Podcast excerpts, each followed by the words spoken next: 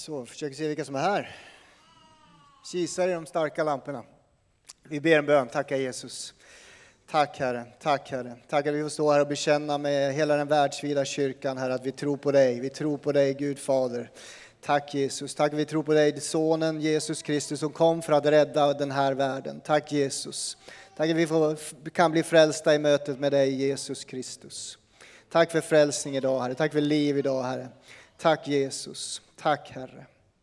Jag tackar dig för att du är kungars kung, herrars herre. Tack att du är på tronen, tack att du regerar Jesus. Tack Fader, tack att du är herre över Alunda, tack att du är herre på den här platsen. Tack Jesus att ditt ljus får bryta fram och mörker får ge vika här på det här området. Tack Jesus. Tack Jesus. Herre, tack att det är den här sången vi sjöng om att vi får gå ut med ditt ord och så, så evangelium i den här tiden. Herre, det är vår längtan, vår önskan, vårt begär, Herre, att få, få ge dig vidare till andra, Herre. Tack Jesus, jag förstår att det är vårt uppdrag och jag ber att du sänder oss, Herre. Herre, jag ber nu för det här ordet vi ska läsa, jag ber att du ska tala till oss, jag ber att jag ska kunna eh, måla dig så, så vacker och fantastisk som du är, men också inspirera och liksom sända ut oss, Herre, i Jesu namn. Tack för att du är här, ber så, Herre, i ditt namn. Amen. Amen. Jag har ju börjat den här eh, hösten med att gå igenom våra målbild närmare. Närmare Jesus, varandra och andra. Det är som en målbild vi har. Eh, och jag började den första gudstjänsten, höstupptakten, med att tala om heliga vanor. Finns det heliga vanor som du behöver lägga till eller som du behöver utvecklas i så att du kommer närmare Jesus helt enkelt? Vi talade om givandet som en sån. Att hjälpa de fattiga, de svaga, de i nöd handlar det om. Inte kollekt alltså, utan ge till dem som är i, i behov. Eh, vi talade om bönen. Kan du gå vidare där i bönen, komma djupare in i bönens liv och sen talar vi om eh, fastan. Eh, tid för Kanske någon behöver kliva in i fastetid på ett annat sätt än man tidigare gjort. Efter det, förra söndagen, så talade jag om eh, att bli en vän som Jesus, närmare varandra alltså, och närmare andra. Eh, det är ju så, vi, vi, vi har Jesus som förebild, han var den bästa av vänner. Folk ville hänga med Jesus. Folk ville vara tillsammans med Jesus. Och sådana borde vi som lärjungar också vara, att folk vill vara med oss. Du är gott sällskap när du är ute i världen och umgås med folk. Då kommer du med Jesus till människor där du är. Och idag går jag vidare i detta. Eh, och idag är rubriken Ta Jesus till torget. Eh, och vi ska läsa från Apostlagärningarna, därför att där finns en man som heter Paulus, han var missionär till hedningarna och han tog Jesus vidare. Inte bara till eh, Jerusalem, utan ut i den kända världen gick han med Jesus och tog Jesus ut på torget. Och jag ska förklara torget, vad jag menar, därför att det finns med i texten. Ett torg, det är en planerad öppen plats. Jag vet inte, har vi någonsin haft ett torg i Alunda? Nej, Alunda finns inget torg. Jag försökte komma på, men, men vi har ett kyrktorg här till exempel. Men det finns torg i varje fall. Det finns platser eh, som är ett offentligt rum, en plats som finns i nästan alla samhällen, men då inte i Alunda av någon anledning. Men framför allt används det som en marknadsplats.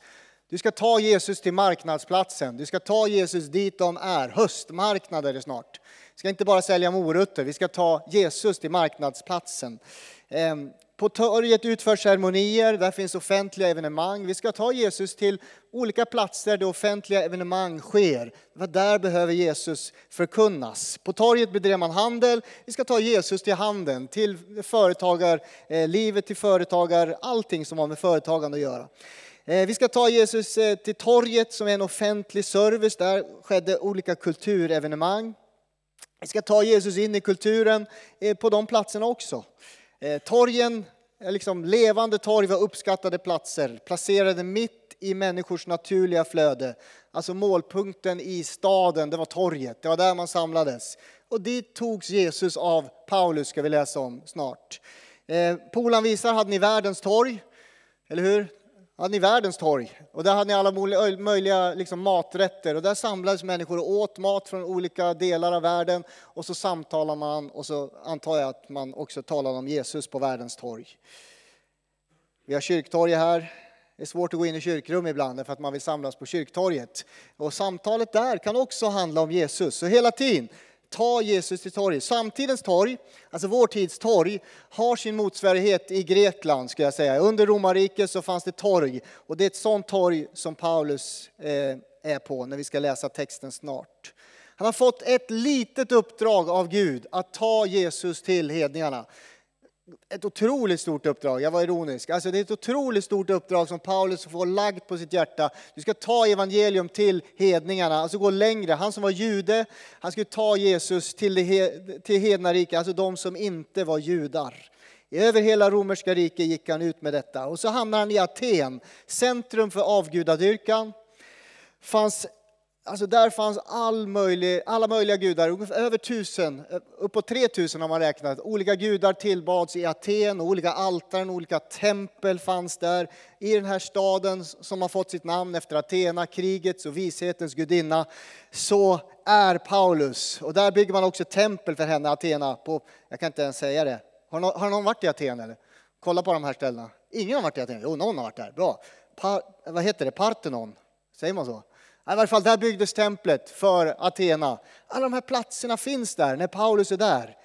Eh, I den här staden fanns så många förlorade själar, ska jag säga. Så många vilsna själar eh, som dyrkade alla dessa gudar. Det är en plats som Paulus dyker upp. Och nu får ni slå upp i er bibel.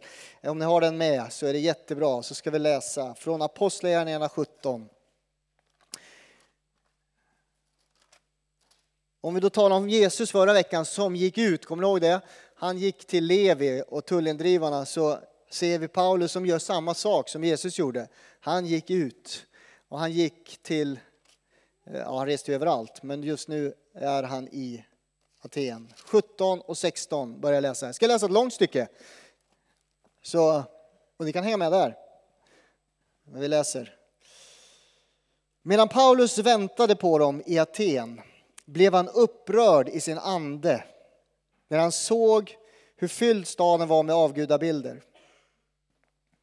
Han samtalade nu i synagogan, jag stryker under samtalade. Det är jättebra när man vittnar om Jesus, att man gillar att samtala. Det är en av mina punkter idag. Jag gillar att samtala med människor om du vill vittna om Jesus. Han samtalade nu i synagogan med judarna och med dem som fruktade Gud och dessutom varje dag på torget, marknadsplatsen, torget var han, med dem som han träffade där. Även en del filosofer, både epikuréer och stoiker, diskuterade med honom och en del sa, vad kan den där pratmakaren vilja säga? Man till och med anklagade honom för att prata lite väl mycket. Eh, jag brukar bli anklagad för det också, du babblar hela tiden. Men det är så. Eh, Paulus verkar vara likadan, så han är en bra förebild. Andra sa, han tycks vara en som förkunnar främmande gudar. Detta sa de eftersom att han predikade evangeliet om Jesus och uppståndelsen. Och de tog honom med sig till Areopagen, alltså en annan plats där man också samtalade, debatterade, diskuterade och dömde i olika frågor. Och sa, kan vi få veta vad det är för en ny lära du förkunnar? Det är underliga ting du låter oss höra. Nu vill vi veta vad, vad, som e-, vad det egentligen rör sig om. Atenarna, liksom främlingarna där, ägnade nämligen all sin tid åt att tala om och lyssna till senaste nytt för dagen. Det var det man gjorde på Areopagen. Man lyssnade på det som hände. Vad är det som händer i tiden? Vad är den senaste läran? Och nu är Paulus där. Paulus ställde sig nu mitt på Areopagen och sa Atenare, jag ser av allting att ni är mycket religiösa. När jag har gått omkring och sett era gudabilder har jag nämligen också funnit ett altare med inskriften åt en okänd Gud. Vad ni alltså tillber utan att känna det predikar jag för er. Alltså jag, jag gillar den här predikan, den är jättebra. Alltså, läs den hemma. Jag blir glad när jag hör honom predika. Därför han predikar annorlunda här än i synagogan. I synagogan använder han GTs texter. Här börjar han predika på ett helt annat sätt. Man kan lära sig något av det när man vittnar. Då säger han så här. Vad ni alltså tillber utan att känna, det predikar jag för er. Gud är den som har skapat världen och allt som är i den. Han som är herre över himmel och jord bor inte i tempel, har 3000 tempel där, eller många tusen tempel i varje fall, som är gjorda av människohand. Inte heller låter han betjäna sig av människohänder som att han behöver något. Han som åt alla ger liv och anda och allt. Och han har av en enda människa skapat alla människor och folk. Förresten, Vad var det jag såg det? Jag såg på tv. Jo, det gjorde jag. Jag ser på tv ibland. Jag såg på tv och då var det en släktforskare. Han påstod Eh, jag vet inte om någon såg det här, det var hon Farah som de tog reda på hennes bakgrund och hennes liv. Och han hade en släktforskningsträd och det visade sig att alla människor, nuvarande människor levande, kom från samma moder, samma kvinna. De trodde, han trodde inte på Bibeln, men han visade på släktträdet och alla nu levande människor kommer från samma moder, påstod han i sin släktforskning. Och jag tänkte, ja, det vet vi ju redan. Men jag bara, på tal om ingenting. Eh, Gud har skapat den här världen och alltså allt som är i den. Han som är herre över himmel och jord bor inte i tempel som är gjorda av människohand. Inte heller låter han betjäna sig av människohänder som att han behövde något. Han som åt alla ger liv och ande och allt. Han har av en enda människa skapat alla människor och folk för att de ska bo över hela jorden. Han har fastställt bestämda tider och utstakat de gränser inom vilket de ska bo. Och för att de ska eh, söka Gud om de möjligen skulle kunna treva sig fram till honom och finna honom fast han inte är långt borta från någon enda av oss. Så använder han deras, egen, deras egna skalder, poeter och så citerar han dem. Så säger han så här. Till honom är det vi lever, rör oss och är till så som även några av era egna skalder har sagt. Vi är av hans släkt. Är vi nu av Guds släkt bör vi inte tänka oss att gudomen liknar något av guld, silver eller sten, en bild som kommer till genom mänsklig konst och fantasi. Gud har länge haft överseende med okunnighetens tider, men nu befaller han människor att de alla och överallt ska omvända sig. Till han har fastställt en dag då han ska döma världen med rättfärdighet genom den man, alltså Jesus, som han har bestämt till det, sedan han erbjudit tron åt alla genom att uppväcka honom från de döda. När de hörde Paulus tala om uppståndelse från de döda började några håna honom, men andra sa, vi vill höra dig tala om detta en annan gång. Därmed lämnade Paulus dem, medan några män slöt sig till honom och kom till tro, bland annat de, bland dem Dionysos som var medlem av Areopagen och en kvinna som hette Damaris och några till. Var ni med hela tiden? Ja, några var med hela tiden i alla fall. Bra, bra, bra. Eh, Aten. Jag skulle säga att det var ett intellektuellt centrum som Paulus hamnade i på den här tiden, för den då kända världen. Kan ni komma på någon filosof från Grekland? Aristoteles, bra. Sokrates, bra. Platon, bra, det är de man brukar nämna. Jättebra, ni kan i läxan, ni har ju varit i skolan. Platon han startade första lärosätet i Aten 387 f.Kr. Jag googlar ju allt det här, det är liksom, så jag räknar med att det är sant. Paulus han blir upprörd i sin ande när han ser alla avgudabilder. Problemet var helt enkelt, de känner inte den enda sanne guden. De är religiösa människor, de tillber, de har en tro, men de tillber inte den enda sanne guden. Han blir provocerad i sin ande. Han känner det inom sig. Har det någonsin hänt dig? Att du blir provocerad i din ande, att du känner inom dig, det är någonting som, ah, varför tror de inte, varför tillber de en massa andra saker? När du ser i din familj, eller ditt grannskap, eller på din arbetsplats, så är det någonting som reser sig upp i din ande för att det, de, de följer inte den sanna, levande, enda guden. Det finns en vilsenhet och en tomhet där du går fram. Och då känns det i en lärjunges ande och hjärta, skulle jag säga, om det aldrig har hänt dig, att du känner att det här är många vilsna själar. De behöver höra om Jesus precis som jag har hört om Jesus. De behöver honom precis som jag behövde honom. Om du aldrig har känt det, då är det tid att be. Faktiskt, för ditt eget hjärta. Att det, av någon anledning så måste det bli mjukt. Om du aldrig gråter för de förlorade, då kommer du aldrig gå ut till den som är förlorad och tala om Jesus. Det kommer aldrig hända. Om det aldrig någon, jag gråter väldigt sällan, min fru brukar nypa mig och säga att jag behöver gråta. Alltså jag gråter väldigt sällan, men, jag, men ibland så blir man förkrossad när man ser att människor faktiskt går förlorade. Ibland, det, jag säger inte att det händer hela tiden, men har det aldrig hänt dig, då är det tid att be. För om du aldrig är förkrossad över att en människa går förlorad, för det tror vi ju, den som inte tror på Jesus går förlorad. Till och med mest fantastiska bibelordet, Johannes 3 och 16. Ty så älskade Gud världen att han gav den sin enda son för att de som, som eh, tror på honom eh, ska få evigt liv. Men för att den som inte tror på honom ska gå under, står det ju i samma text. Någonstans kan människor gå förlorade. Paulus han börjar i synagogan. Han är jude. Han börjar alltså bland det judiska folket, med sina bröder. Han samtalar med judarna, de som fruktade Gud också står det. Alltså någonstans fanns det sådana som hade omvänt sig till judendomen.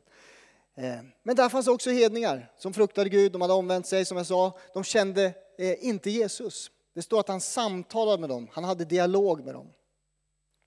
Jag tänker att han svarade på frågor, han interagerade med dem utifrån de judiska skrifterna, Gamla Testamentet. Så, så samtalar de med judarna och så försöker han få dem att förstå att Eh, profetierna profetiorna i Gamla Testamentet talar om Jesus som Messias. Det är det han försöker liksom peka på Jesus som Messias som skulle komma. Så går han ut, ut ur synagogan, han går ut på torget och så börjar han tala. Han börjar tala till dem som inte visste någonting om det judiska, som inte brydde sig om Torah, som inte brydde sig om budorden, som inte brydde sig om judisk historia. Och så vittnar han även där om Jesus. Och det är här som behöver liksom, vi har någonting att lära oss av. Alla de som inte går till vår synagoga, kyrkan alltså, är vår synagoga, en plats där man samlas för att läsa Guds ord. De som aldrig kommer hit, de som inte vet vad Bibeln säger, de kommer aldrig läsa en bibel. Du är den bibel de läser.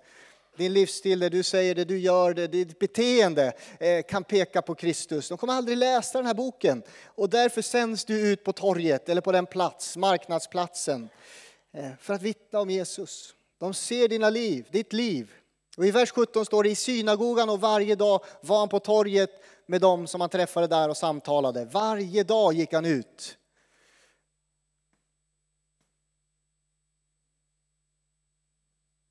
Var det någon av er som gick ut förra veckan? Jag predikade idag, vi får se om det är bra. En gick ut. Jag sa att vi skulle gå ut och vara en vän som Jesus. Man börjar med att gå ut sa jag förra veckan. Tack för att det är en som gensvarade på mitt budskap och gick ut och pratade med någon om Jesus. Jag tror att det var fler. Men någonstans när vi sitter här och hör ordet så måste man gå, gå, gå, såningsman, gå sjöng vi. Varje dag gick han ut. Jesus gick ut, han såg Levi som jag pratade om förra veckan.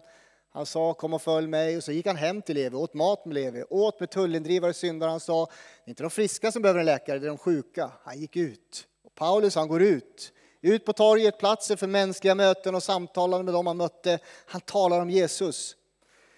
Han ger dem vägledning i livet ska jag säga. Han ger dem vägledning i hur de kan bli frälsta, räddade till evigt liv. Idag är fem punkter från den här texten som jag gått igenom lite grann nu och så har jag läst väldigt noga. Fem, äh, det gick inte att få det till fyra. Jag, jag är fyra punkters. Marcus sa att man skulle vara tre punkters, men jag, jag har varit fyra punkters. En gång hade jag 14 punkter. Det är du. Nej, just det, vi är inte pingstförsamling, så det är okej. Det är sant. Men vi kanske kan bli. Nej, vi tar det sen. Det är ett annat samtal för en annan gång. Okej, fem punkter. Den första punkten jag har utifrån den här texten, om du vill gå ut på torget till marknadsplatsen, så kan jag säga så här, och det här är inget djupt. Det är så otroligt enkelt, ändå så svårt. Det finns inget djup så här, liksom, åh vad djup undervisning här är. Utan jag skulle bara säga så här, den första punkten, vi måste börja vilja samtala med människor om Jesus. Det är liksom det första. Du måste ändå ha någon vilja i dig. Jag vill samtala om Jesus med andra människor. Eller jag till och med, och kan ta bort Jesus. Jag vill samtala med andra människor. Det är liksom starten för att kunna vittna om Jesus. Det är så enkelt. Samtala med andra människor. Vill du vinna människor för Gud, börja med samtal. Man behöver vara villig att öppna sin mun och tala om Jesus. Ni vet när Jesus vittnar för Emmausvandrarna, vad gör han? Han bara vandrar med dem och ställer frågor och så börjar samtalet. Och så säger de i slutet, brann inte våra hjärtan när han samtalade, när han la ut skrifterna, säger de. Alltså han bara vandrar med människor, mitt i där de är, i vardagsliv, vandra med dem och samtala. Du kan inte vara tyst med det du har sett och hört och upplevt om du har mött Jesus. Det handlar om att komma ut i den verkliga världen, prata med människor. Behöver inte, det här är en jättetung bok. Behöver inte dra till dem. Oh, förlåt, det är Bibeln. Vi har inte samma syn på Bibeln som eh, muslimerna. Vi tror ju fortfarande att det, eh, det är liksom ordet som är heligt, inte permen. Bara så att ni vet. Eh, vi går inte vidare i den debatten. Okej, okay, det handlar om att komma ut i den verkliga världen och prata med människor. Du behöver inte slåss med den där boken, du behöver bara öppna din mun. Liksom, när en dörr öppnas, när människor vill höra, så pratar du om Jesus. Samtala med en annan människa. Paulus, han är där på torget, han träffar några filosofer, epikureer, stoiker, jag hade en annan predikan för fem år sedan om det, så jag tar inte vad de, vad de betyder idag. Eh, men de var filosofer. Det var två olika filosofiska inriktningar. Det var, typ, det var killar som hela dagen satt och samtalade och försökte komma underfund med sig själva och livet. Ungefär så eh, satt filosoferna och gjorde. Alltså, varför är vi här? Vad är livets mening? Jag har ingen aning. Vad är liv? Jag tror att de bara sitter och diskuterar, filosoferar och så har de två olika tankar om vad livets eh, mening är helt enkelt. Och jag ni får googla det. Det står allting om vad de håller på med, vad de tror. Sen drar han vidare och så samtalar han med de mest lärda männen i den tiden. Han gick till Areopagen, en plats i Aten där de äldste möttes. Där domare, liksom, där, där, där de satt och diskuterade olika saker och dömde i olika frågor och löste olika saker och problem och hade debatter. Mitt i lärosätet, mitt bland de visa intellektuella, där hamnar Paulus. Han säger atenare, jag ser av allting att ni är mycket religiösa. Men de hade så många gudar. Och så tänker de, tänk om de hade missat någon. Så därför så sätter de upp ett altare åt den där okända guden. Och Paulus är så smart. Jag önskar att jag var så här smart som han är. Han är så klok, han är så smart. Jag önskar att, inte bara jag är det, att ni också är det, att någon kan ta Jesus till Eh, lärosäten också i Sverige, till eh, akademin i Sverige, till akademiska institutioner. Alltså Jesus behöver också förkunnas där. Någon måste ju ta det på sig. I kyrkohistorien, det var inte de kristna som bara var eh, olärda och, och så här, de kristna var ju de mest intellektuella, pålästa, hade studerat. Kolla i kyrkohistorien. De var med liksom. Och det, behövs, det finns sådana i vår tid också. Det behövs sådana som kan ta Jesus också till den platsen som Paulus gjorde. Där de mest lärda är, där kunde han vara och samtala. Vem vill gå dit? Hoppas du vill det. Det är inte roligt att vara där kanske, men Jesus behöver vara där i samtalet. Det här är Aten. fanns de mest utbildade som jag sa, de största intellektuella hjärnorna samlades. Trots det fanns det över tusen avgudar på den här platsen. Trots att de var intellektuella och smarta, pålästa, så trodde de att det fanns någon högre som var högre än de själva.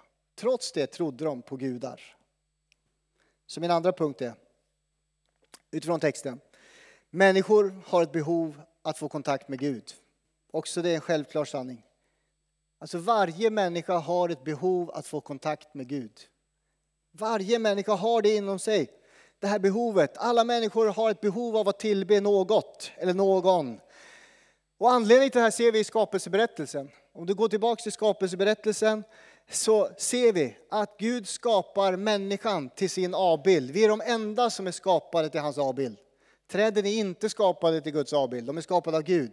Djuren är inte skapade till Guds avbild. Människan är skapad till Guds avbild. Och människorna, han, ni vet, han formade jorden, han formade en människa och så blåste han sin livsande in i hennes näsborrar, står det. In i hennes, och hon blev en levande varelse. Vi är de enda som är skapade till Guds avbild och vi är de enda som har en ande. Träd har inga andar, djur har inga andar. Det är vi som har en ande skapad till Guds avbild. Det betyder att när du kramar trädet, det gör inte du, det hjälper inte. Du får ingenting från trädet. Eller när du kramar och gosar med djuret. Det är jättemysigt. Men det finns ett tomrum, en ande inom dig som är skapad. Det finns en plats inom dig som är skapad för Gud. Därför att du är en andlig varelse. Unik i hans skapelse är människan. Därför har vi ett behov av att få kontakt med Gud. Jag tror inte hundar har det. Och katter, absolut inte. Nej. Så att det är liksom, det måste vara så. Ja, förlåt. Det var kattbråk hemma på min gård igår, eller förrgår. Har ni hört katter bråka alltså? Jag tror de ska ta liv av sig varandra och det hade varit okej okay för mig. Eh, förlåt, jag gillar inte katter. Kliar överallt. Eh, vidare i predikan tror jag jag ska. Ja, var det någon som sa. Var, var det du Gustav? Kom igen. Mm. Eh, vad var jag? Just det. Eh, alltså vi är unika skapelser, vi är människor. Vi har en ande. Bara människor är skapade till Guds avbild med ande. Gud är ande och Gud placerar ande i människan. Och han skapar i oss, varje mänskligt hjärta, en längtan efter att få kontakt med Gud. Om någon inte har tagit emot Jesus, då finns det där tomrummet där. Det finns det, det är tomt. Eh, och man kan försöka fylla det med hur mycket saker som helst, men det går inte. Det rummet är ämnat för Gud. Nämn alla dina beroenden, alla dina ambitioner. Alltså allt vad du försöker fylla det där tomrummet med, det är bara Gud som kan fylla det. Även kristna kan försöka fylla på med annat, där Gud ska ha sin plats. När du ser människor som är fast i olika beroenden, skulle jag säga, som mår dåligt, som inte vet vilket piller de ska stoppa i sig idag för att fylla detta tomrum, då ska du veta, det tomrummet är för Gud. Det är bara Gud som kan fylla det. Det finns av Gud ett skapat vakuum i varje människas liv som bara Gud kan fylla. Det är tydligt i Bibeln. Så när människor försöker fylla det med annat så kommer det alltid vara brist. För det räcker inte. Ingenting kan ta Guds plats i ditt liv. Och då är det ditt och mitt uppdrag som sändebud för Gud, som Guds ambassadörer beskrivs vi faktiskt som eh, i den här tiden, att gå ut med evangelium om Jesus Kristus så att man kan få kontakt med Gud. Det är vårt uppdrag. Du är ambassadör för Herren. Vet du vad en ambassadör gör? Vi tar det snabbt. En ambassadör representerar sitt hemland, åker till ett annat land, ett främmande land, är där men representerar alltid hemlandet och skapar nätverk och relationer med människor i det landet, det främmande land där han befinner sig. Så när kris uppstår så förespråkar man alltid sitt hemlands åsikter och försöker liksom hitta försoning och, och, och skapa goda relationer mellan länderna. Det är därför man placerar där. Du, ditt och mitt hemland är himlen. Vi tillhör Jesus och vårt hemland är himlen. Vi är placerade faktiskt i främmande land under en tid, även om vi är svenska medborgare också, men vi är himmelska medborgare framför allt. Och vi representerar himlens åsikter, Bibelns åsikter. Det är det vi representerar. Så när vi försöker nätverka med människor, gå ut på torget och samtala med människor, så är vi representanter för Jesus och hans ambassadörer och försöker liksom förmedla Kristus till människor och på olika sätt. Det är det vi gör. Och det är det som vi är utsedda till att göra. Så när vi möter människor så förstå, det finns ett tomrum i varje människa. Alla behöver bli frälsta. Det var den andra punkten. Hängde ni med på den första? Den första var vi måste vilja samtala med människor om Jesus om vi ska ta dem till torget. Det andra människor har behov att få kontakt med Gud. Ibland kan vi tro att det är bara jag. Nej, inte bara jag. Det är varje Alundabo. Det tredje, utifrån texten här tänker jag, en religiös människa betyder inte en frälst människa. Var och en blir inte salig på sin egen tro. Vi hör det ibland, men inte i kyrkan hoppas jag. Det är saligt på Jesus vår tro, sjunger vi. Det är Jesus som gör oss saliga. Det är inte alla, ah, ja, du kan hitta din egen väg, din egen privata tro, din egen ja, Du blir inte salig på det. Du blir salig när du får möta Jesus och blir verkligen frälst. Det är det. Bara för att man är religiös så betyder det inte att man är frälst. Frälst betyder att priset för våra synder är betalt och när du tar emot Jesus får du förlåtelse. Jesus frälser inte eh, att, eh, förlåt, det, det, det är Jesus som frälser. Det räcker inte att vara religiöst intresserad eller spirituell. Jag tittade på tv som jag sa förut. Och det finns ju ganska ofta så dyker det upp, speciellt idrottsstjärnor, som är spirituella nu för tiden. Och det är inga problem alls. Ta fram sina tarotkort och säga, vill du vara med på lite spirituella övningar? Och så sitter de där och är lite spirituella, eller vad de gör, jag vet inte. Det är så där, vissa program på tv. Och då tänker jag, tänk om man bara, ska vi be tillsammans, ska vi be till Jesus? Det hade aldrig funkat i det programmet. Nu tar vi en bönestund här. Men spirituell kan man vara, men det betyder inte att man blir räddad. Vi lever, varje människa lever i synd och på väg att gå förlorad och det är Jesus som räddar. Det är bara Jesu blod som kan köpa oss fria. Bara hans blod på Golgata som kan rädda oss. Genom att bekänna honom som Herre så kan man bli frälst. Paulus han gratulerar nästan de här religiösa männen. Jag ser att ni är mycket religiösa. Ni till och med tillber en okänd Gud. Ni har byggt ett altare åt honom. Det som ni tillber utan att känna till, det förkunnar jag för er, säger han. Om du är intresserad av människor kan du alltid hitta vägar in i deras hjärta. Det gjorde Paulus. Om du är intresserad av en annan människa, om du inte är det, då kommer du aldrig kunna vittna. Men om du uppriktigt är intresserad av en annan människa finns det alltid vägar eh, in i den människans liv. Känner du oro i ditt liv? Låt mig berätta om det som ger mig frid. Jag känner också oro, men jag har någon som ger mig frid. Har du fått sjukdomsbesked? Jag har också varit sjuk. Men låt mig berätta om någon som var med mig men som också botar sjuka idag. Upplever du dig ensam? Jag har också varit ensam. Men låt mig berätta om min bästa vän som alltid är med mig alla dagar, alltid. Jag är aldrig ensam. Därför att han är med mig. Det finns alltid liksom anknytningspunkter i vanliga svenskars liv. Jag lovar, om du lyssnar och ser människor så finns det öppningar där du kan berätta om Jesus. Paulus såg det. Han såg att de var mycket religiösa, det betydde inte att de var frälsta. Och därför tog han anknytning i deras religiositet och började tala om Jesus. Punkt 4. En relation med Jesus börjar alltid med omvändelse att man vänder sig bort från synd och vänder sig till Gud. En relation med Jesus börjar alltid med omvändelse. Paulus säger, låt mig berätta om den här okände guden, han som har skapat himmel och jord, som fastställt tider och stunder och så vidare. Och så börjar han i slutet tala om omvändelse och dom. Jag vet inte om vi kan få upp det där, men jag vill annars slå upp det igen och läser vers 30-31.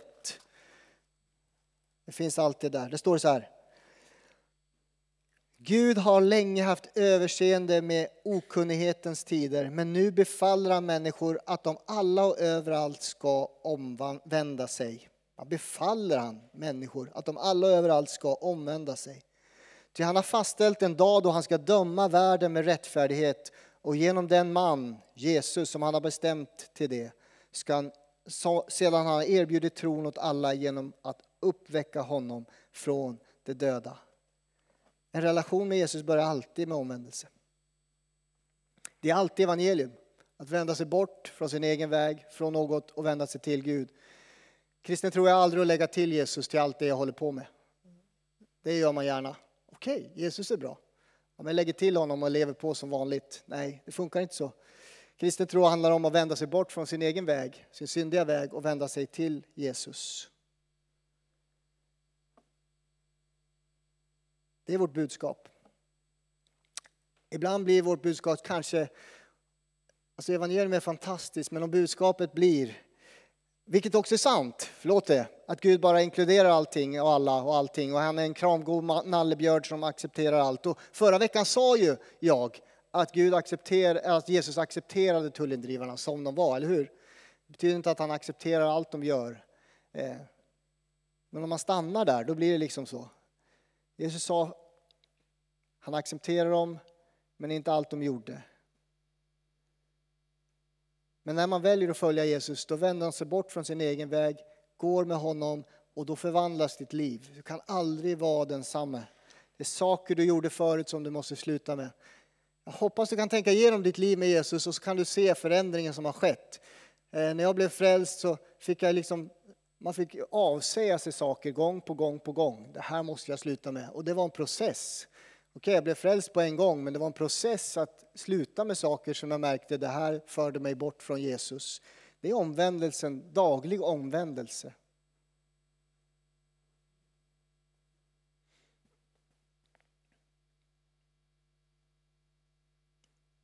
Omvändelse betyder att du lämnar ditt liv i synd och vänder dig till Jesus han förlåter dina synder, ger dig ett nytt liv. Och det är fantastiskt att veta att en synder är förlåtna. Nummer fem. Resultatet kan variera. Men gör ditt bästa och så lämnar du resten till Gud. Jag märker att Paulus, han gör sitt bästa. Eh, och resultatet blir lite hit och dit. Faktiskt. Det varierar. Några kommer att håna dig. Det är okej, okay. det gör de med Paulus. Andra kommer att vara nyfikna. Ah, vet inte om jag tror på det här, men berätta gärna mer. Det händer för Paulus. Och några säger, vi tror. Det räknas upp i varje fall två personer och några till som kom till tro efter att han talat på Areopagen. Alltså resultatet är inte upp till oss. Det är du som sår, det är du som vattnar, det är Gud som ger växten. Hela tiden måste man tänka det när man är ute och sår och så. Ah, det var ingen som blev färdig, ingen ville lyssna knappt idag.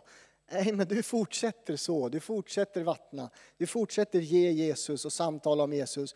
Och till sist så ger Gud resultatet. Jag försöker säga det här för att det ska bli mindre pressande, för det är faktiskt inte så pressande egentligen. Du vill samtala med människor, de är i behov av Gud. Eh, och du pratar, men det är Gud som ger växten. Tänk på att du är ingen försäljare. Du måste inte sälja ett visst antal enheter för att få din lön. Det är inte det vi håller på med. Okej, ett visst antal människor måste bli frälsta, annars får inte du komma till himlen. Det finns ingen sån press på oss lärjungar. Du sår Guds ord, du talar om Jesus, du samtalar med människor. Gud ger växten hela tiden. Ha det med när du är ute och vittnar och talar.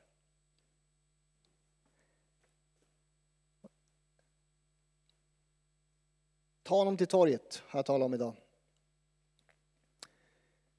Så Guds ord, tala om Jesus där du går fram. Vattna och Gud ger växten. Det är Gud som räddar själar. Inte du, inte jag, inte Furukyrkan. Det är Jesus Kristus som frälser själar. Ta Jesus till torget, alltså platsen där du möter människor utanför kyrkan. Vi är ju inte på torget i Alunda för det finns inget torg. Eh, utan ta dem till platsen där människor är. Eh, prata, samtala, ge dem Jesus. Det var budskapet idag. Nu ber vi tillsammans. Tack Jesus. Tackar dig Herre. Tack Jesus. Halleluja. Tackar dig för den här församlingen, för kyrkan. Tackar att vi aldrig får slappna av i vår iver att dela dig Jesus. Jag ber för varje lärjunge här, varje kille, tjej som vill följa dig på allvar. Som har omvänt sig, lämnat det gamla livet, gått in i det nya. Jag ber för var och en här att vi liksom får vara redskap, ambassadörer, sändebud för dig Jesus in i den här tiden. Låt oss gå med en tro att faktiskt människor behöver dig, för det behöver de. Eh, varje människa behöver dig, varje människa går med det där tomrummet. Och jag ber att det ska bli en verklighet för oss, Herre. Jag ber för nöd i vår församling, för människor. Jag ber för nöd, om nöd, Herre. Tack Jesus. Tack att du sänder oss ut. Jag ber att det inte ska vara läskigt, skrämmande, utan faktiskt spännande och roligt, intressant. Vilka vi kan få möta i veckan, Jesus. Tack Herre. Tack att den här veckan så ber jag om många möten med, och samtal om dig. På arbetsplatser, ute på, på torget, på affären, eh, ja, var vi än befinner oss. I idrottsföreningar, Herre. Låt det öppnas upp för samtal om dig. Och jag ber att vi ska, eh, vi äger någonting så vi kan ge. Jag ber om mod, Herre. När eh, dörrar öppnas och samtal startas. Jag ber om mod att inte ha för bråttom och gå därifrån utan ge dig Jesus till någon, Herre. Tack för vår församling, Herre. Tack Jesus. Tack att vi alltid har varit en missionerande församling. Missionärer där vi är, det vill vi fortsätta vara. Där vi är vill vi missionera, Herre. Sänd oss ut till andra människor i Alunda. En nöd för dem, verkligen, verkligen Jesus. Tack att du är här just nu. Vi så i Jesu namn. Amen.